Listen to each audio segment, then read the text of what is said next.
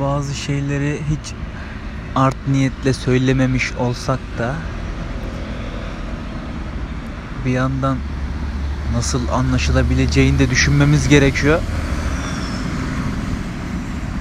Az önce söylediğim şeyi söylerken ne düşünerek söylediğimi biliyorum ama karşıdan nasıl alınacağını düşünmedim ve düşünmediğim için pişmanım.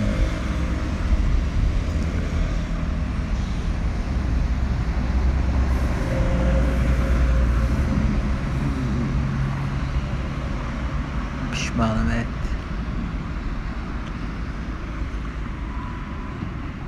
Pişmanım demek yeterli olsa keşke bazen.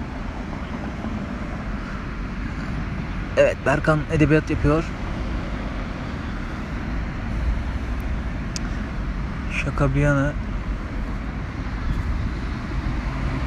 yani böyle kelimelerin ar- arkalarındaki yatan anlamlarını göz ardı ederek konuşmak çoğu zaman istemediğimden bazen susuyorum bile.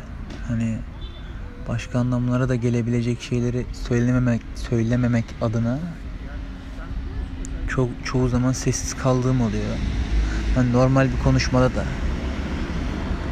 sadece seninle ilgili değil. Gündelik bir konuşmada da mesela annemle muhabbet ederken, kardeşimle, babamla, arkadaşlarımla. Az önce onu nasıl söyledim? Ben kendime yazıklar olsun diyorum ama sen bana deme ne olur. Yazıklar olmasın bana. Gaflete düştüm. Aşkım özür dilerim. Gel.